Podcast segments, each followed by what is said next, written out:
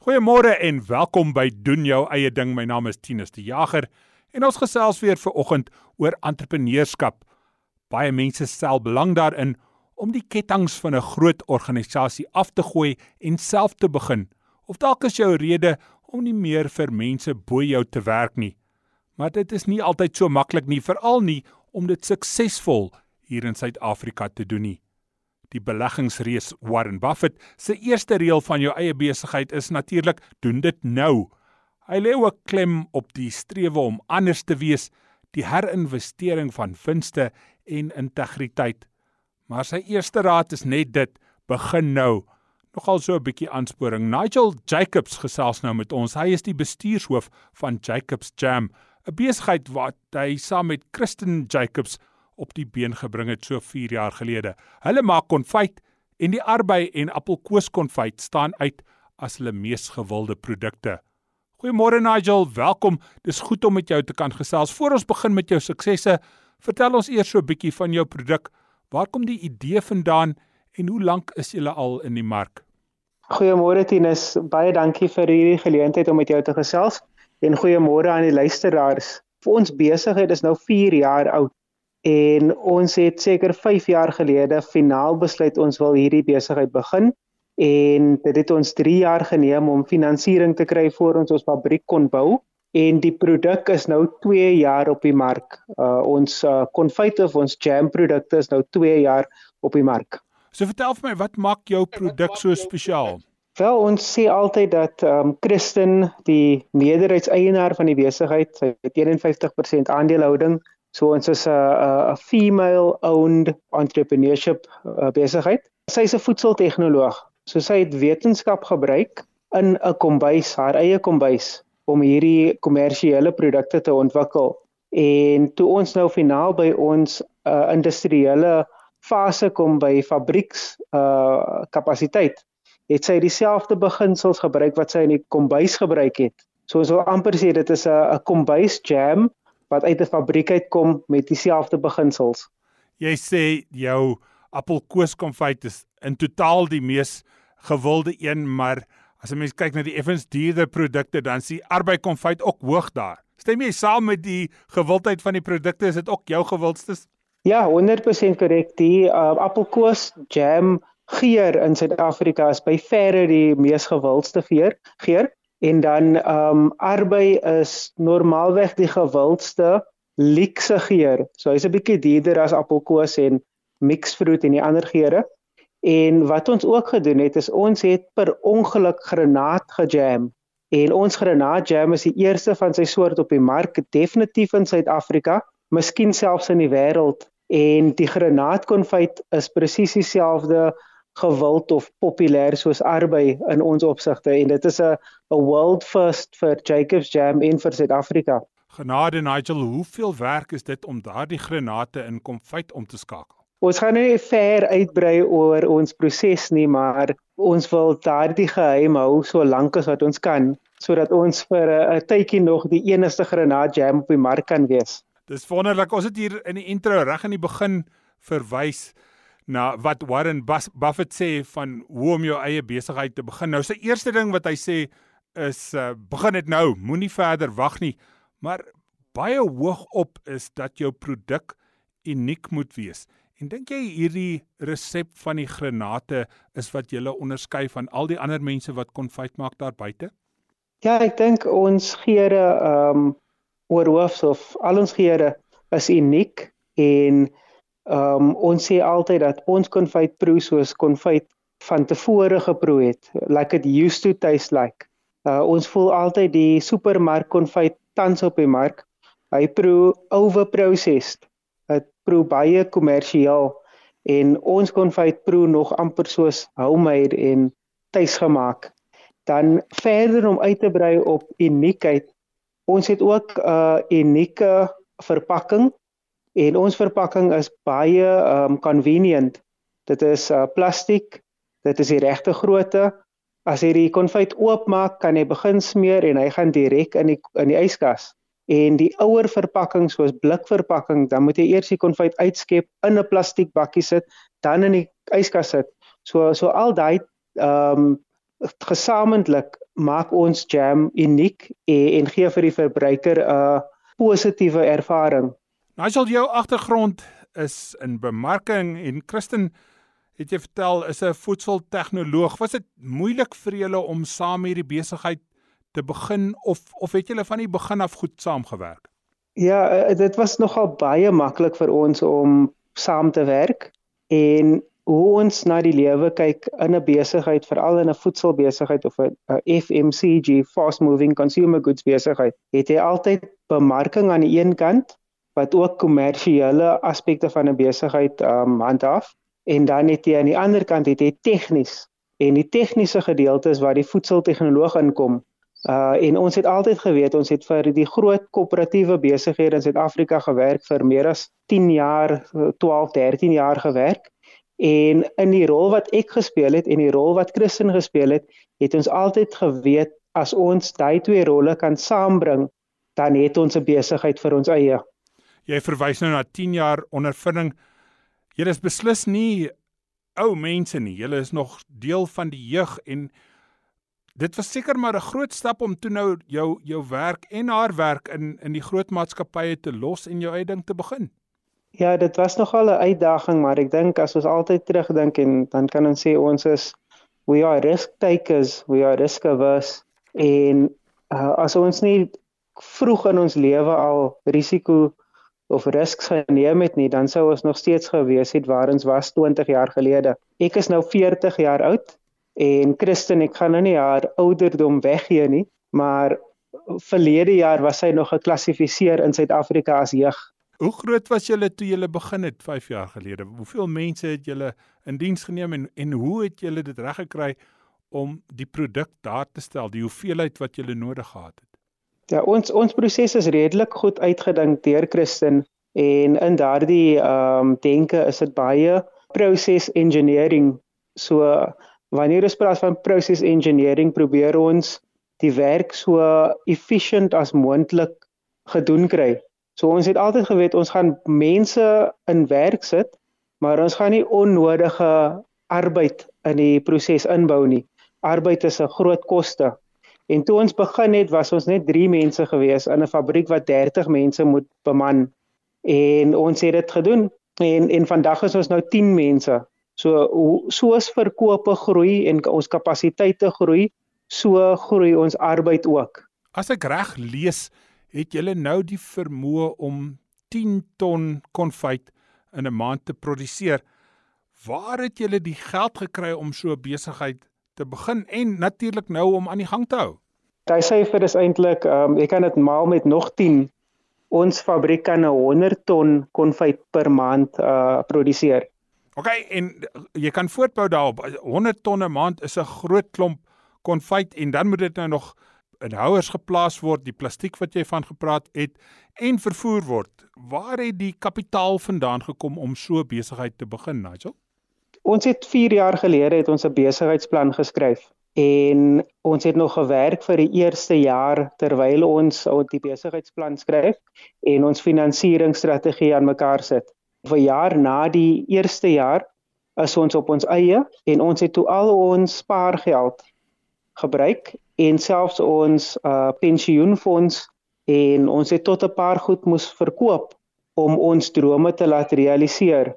So die volgende jaar was dit op ons eie sonder enige inkomste en ons het uh, die die befondsing het baie lank geneem want ons het nie 'n groot komponent van eie kapitaal gehad nie. So die risiko vir die banke was baie hoog. Normaalweg kyk 'n bank na 'n uh, 'n lening die die entrepreneur moet 50% insit en die bank sit 50% in. Maar ons het nie daai 50% gehad nie en uh ons het toe éventueel met um staatsentiteite sukses gekry.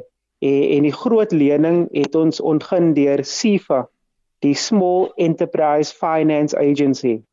En dan 'n groot gedeelte van baie van die bemarkingsaspekte was goedgekeur deur SEDA die Small Enterprise Development Agency van Suid-Afrika. So tot vandag toe word ons besigheid 100% gefinansier deur die staat. Dis baie interessant Nigel, kan jy vir ons sonder om in te veel besonderhede in te gaan bietjie van die proses vertel hoe om hierdie staats organisasies te nader om dan nou geld by hulle te kry? Ja, ek dink die die belangrikste eh, ding vir die staat is um risiko. So die staat kyk presies soos 'n kommersiële bank na besigheidsplan. Uh die staat kyk na wat is die belegging wat ingaan en wat is die uh persentasie sukses wat hierdie besigheid gaan toon dat die belegging veilig gaan wees. Want die staatsentiteite werk met publieke finansiering. So dit is belastingbetalers se geld. En hulle is nogal baie baie streng en in ons ons ervaring het niks maklik gekom nie. Alles wat ons aansoek gedoen het, moes 2 of 3 keer deurgedink word en heraansoek gedoen word want die eerste aansoek was altyd ge, ge decline. So wat ons altyd sê vir die entrepreneurs is wees 100% seker van jou besigheidsplan en jou finansiële model, vooruitskatting van inkomste en uitgawes en al daai klomp goed want die staat kyk ook so na 'n uh, 'n uh, 'n finansieringsaansoek. Dit is nie net eenvoudig jy sit jou aansoek in en môre word dit goedgekeur nie. So het jy van professionele hulp gebruik gemaak of het jy in Christen nou maar saamgesit en jou besigheidsplan opgestel voor jy dit ingedien het? In my agtergrond kan ek 'n besigheidsplan skryf en Christen kan 'n besigheidsplan skryf, maar ons het besluit ons gaan navorsing doen en ons gaan 'n derde party konsultant aanstel om vir ons te help om hierdie besigheidsplan te skryf. En ons het toe 'n goeie kandidaat gekry na baie onderhoude. En die rede hoekom ons dit so gedoen het is die besigheidsplan word dan geskryf vir die leser. So hy is direk ons wil sê Engels customized vir die um developmental financial institutions, die staat eintlik en, en net om rowwe syfers deur te gesels, uh, ons besigheidsplan met die konsultant se hulp het vir ons R50000 gekos. En hoeveel geld het jy op die ou end gekry van die staat? Jy kan dit antwoord of los as jy wil. Die die eerste ehm um, belegging of die eerste lening wat ons gekry het was 3 miljoen rand. Is dit genoegsaam of moet julle daarna weer aansoek doen vir verdere fondse? Wel ons het ehm um, die die besigheidsplan het gesê ons het 10 miljoen rand nodig om die besigheid te begin. Die Financial Developmental Institution SIFA het nader gekyk in modular growth. So in plaas van 10 miljoen rand neersit vir 'n groot besigheid, het hulle 3 miljoen rand begin as 'n pilot investment, die eerste belegging. En dan het ons met tye kan ons weer aansoek doen soos die besigheid groei dan is die risiko nie so groot vir die entiteit nie. As jy op pad om jou teikens te haal, was die besigheidsplan toe 'n goeie plan en weerspieël dit in die werklikheid? Wel, uh, COVID was nie vir ons en vir niemand was dit maklik nie. Dit was 'n baie moeilike tydperk. En ons het ons besigheid begin in die middel van level 5 lockdown. Dis toe ons die produksielyn gebou het en die fabriek gebou het.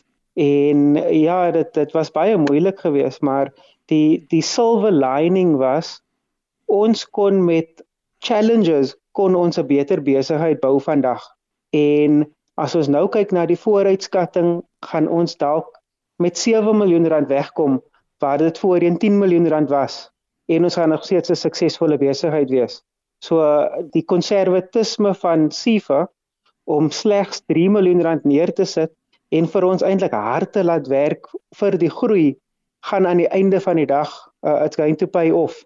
As jy nou moet terugkyk op die laaste 4 jaar, wat was die groot probleme wat uitgestaan het in die proses om jou besigheid te begin? Ja, so ons ons kyk na 4 jaar en in die begin het ons gesê om geld te ontgin of finansiering te ontgin is baie moeilik, dit is amper onmoontlik. So you know, in Engels praat ons van um access to finance was baie moeilik. En dit het vir ons 2 jaar geneem en toe ons die produk op die mark sit, toe besef ons dat access to market of mark toegang, is, ja. Marktoegang ja, is baie meer moeilik as access to finance. En ons het gesukkel met die winkels in Suid-Afrika om ons produkte te lys en verkoop want almal is konservatief en in Suid-Afrika in konfyt en in alle produkte is daar altyd baie sterk handelsmerke So jy het jou nommer 1, jy het jou nommer 2 en dan het jy wat ons noem die private label, die no-name brand. So nou probeer ons 'n nuwe handelsmerk uh bekend te stel. En toe besef ons dat die markgedeelte is baie moeilik. Dis selfs moeiliker as om finansiering los te slaan. En dit gee ons altyd ook as 'n waarskuwing vir nuwe entrepreneurs. Jy kan nie net fokus op om die geld los te maak nie. Wees seker dat jou mark gaan die produk aanvaar en dat mense gaan die produk koop. So so dit was 'n goeie goeie learning vir ons wat ons nou kan aanpas vir die volgende entrepreneurs. So hoe doen jy dit Nigel? Hoe het jy toe nou hierdie ehm um, hou vas in die mark gekry? Hoe het jy inbreuk gemaak op hierdie mark? Ja, ons is nog steeds besig om um weg te te bou, te byt of te te veg om in te kom, maar ons het baie goeie um tans baie goeie inligting van uh die groot han uh kettingwinkels in Suid-Afrika. Ons praat van Shoprite, Shoprite Checkers, uh Pick n Pay en Food Lovers Market. Ons gaan voor die einde van die jaar gaan ons in al drie winkels wees, maar dit het gekom om elke keer uh te byt en te veg en eintlik net te nag want jy stuur jou produk deur dan sê die aankoper hy stel nie belang nie. Dan stuur jy dit weer deur en jy sê jy gaan die pryse bietjie aanpas jy gaan dit doen. Dit is 'n 'n 'n deurlopende aanhoudende geveg wat jy het met die aankoper en na 2 jaar is ons nou finaal op 'n plek waar die produk nou finaal op winkelrakke gaan wees En ek, ek moet ook sê dit was 'n moeilike tydperk geweest vir nuwe produkte want ehm um, die daar is baie uh aspekte wat ons ook uh teruggehou het. Ek, ek noem nou soos die die uprising in KZN verlede jaar. Ehm um, die vloed in KZN verlede jaar, die oorlog in Oekraïne, uh COVID as die die pandemie, dit het alles vir ons teruggehou En wat ons altyd vir entrepreneurs sê is jy moet aanhou veg. Die vennote waarmee jy moet werk gaan vir jou 100 redes gee hoekom jy nie in besigheid moet wees nie. En jy moet net aanhou en aanhou tot jy daai ja antwoord kry. Nigel, dis dis maklik om oor die negatiewe te gesels, maar die feit bly staan jy jy's nou al 4 jaar lank aan die gang met hierdie produk. Wat is die goeie dinge wat jou elke oggend laat opstaan en en laat aanhou? Dis 'n baie goeie vraag en ek dink ehm um, dit is amper moeilik om te antwoord, maar die die maklikste manier om dit te antwoord is ons voel vry soos we have creative freedom. Ons doen wat ons moet doen wanneer ons dit wil doen en wanneer ons dit moet doen. So in 'n koöperatiewe wêreld is jy altyd verbonde aan 8 uur tot 5 uur of 8 uur tot 7 uur en jy jy is so verbonde aan 'n struktuur en 'n organisasie. En wanneer ons in die entrepreneurial environment is, jy werk eintlik meer ure en langer ure, maar jy werk dit at your own pace. So jy voel nie jy is gekoppel aan 'n 'n uurstruktuur nie. En dit is vir ons die belangrikste en die lekkerste ding om te doen. Ons werk soms uh in die oggend tot die middag en dan neem ons 'n paar uur af en dan werk ons weer die aand tot middernag. Maar dit is vir ons lekker. En, en dit het ons nooit gevoel in die koöperatiewe strukture. Dis moontlik nie. En en wanneer ons nou wil besluit soos met granaat jam, ons het besluit ons gaan probeer om granaat jam te maak. En daar maak ons dit. En in 'n koöperatiewe wêreld as jy nou probeer jy wil granaat jam maak, dan moet dit deur 20, 30 uh hoops spring en teen die einde van die dag dan maak jy eintlik 'n vye jam en nie 'n granat jam esie want iemand anders het besluit dit is meer belangrik. So dit gaan oor creative freedom wat vir ons belangrik is. Nigel baie dankie. As jy net laastens moet raad gee aan 'n luisteraar wat op die punt staan om sy eie besigheid te begin, wat sal daardie raad wees as dit nou net een brokkie is waarvoor jy tyd het? Ek dink die die beste raad wat ons kan gee is die die entrepreneur moet weet wat hy wil doen, hoe hy dit gaan doen en aan wie gaan hy dit verkoop. So dit is 'n paar goed wat hy nou moet agter mekaar sit en dan ook moet nie die moeilike tye don't underestimate the tough times. Ehm um, in ons ervaring is dit baie moeilik. Dit is entrepreneurship is nie vir almal nie.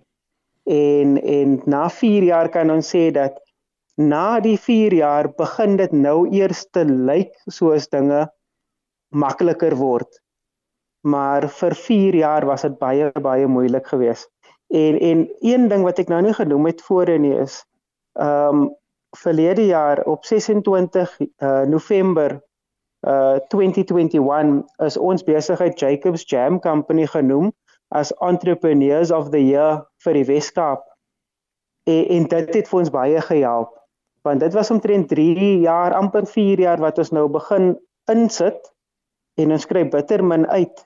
En toe besluit die Wes-Kaapse regering dat ons is die beste besigheid in die provinsie.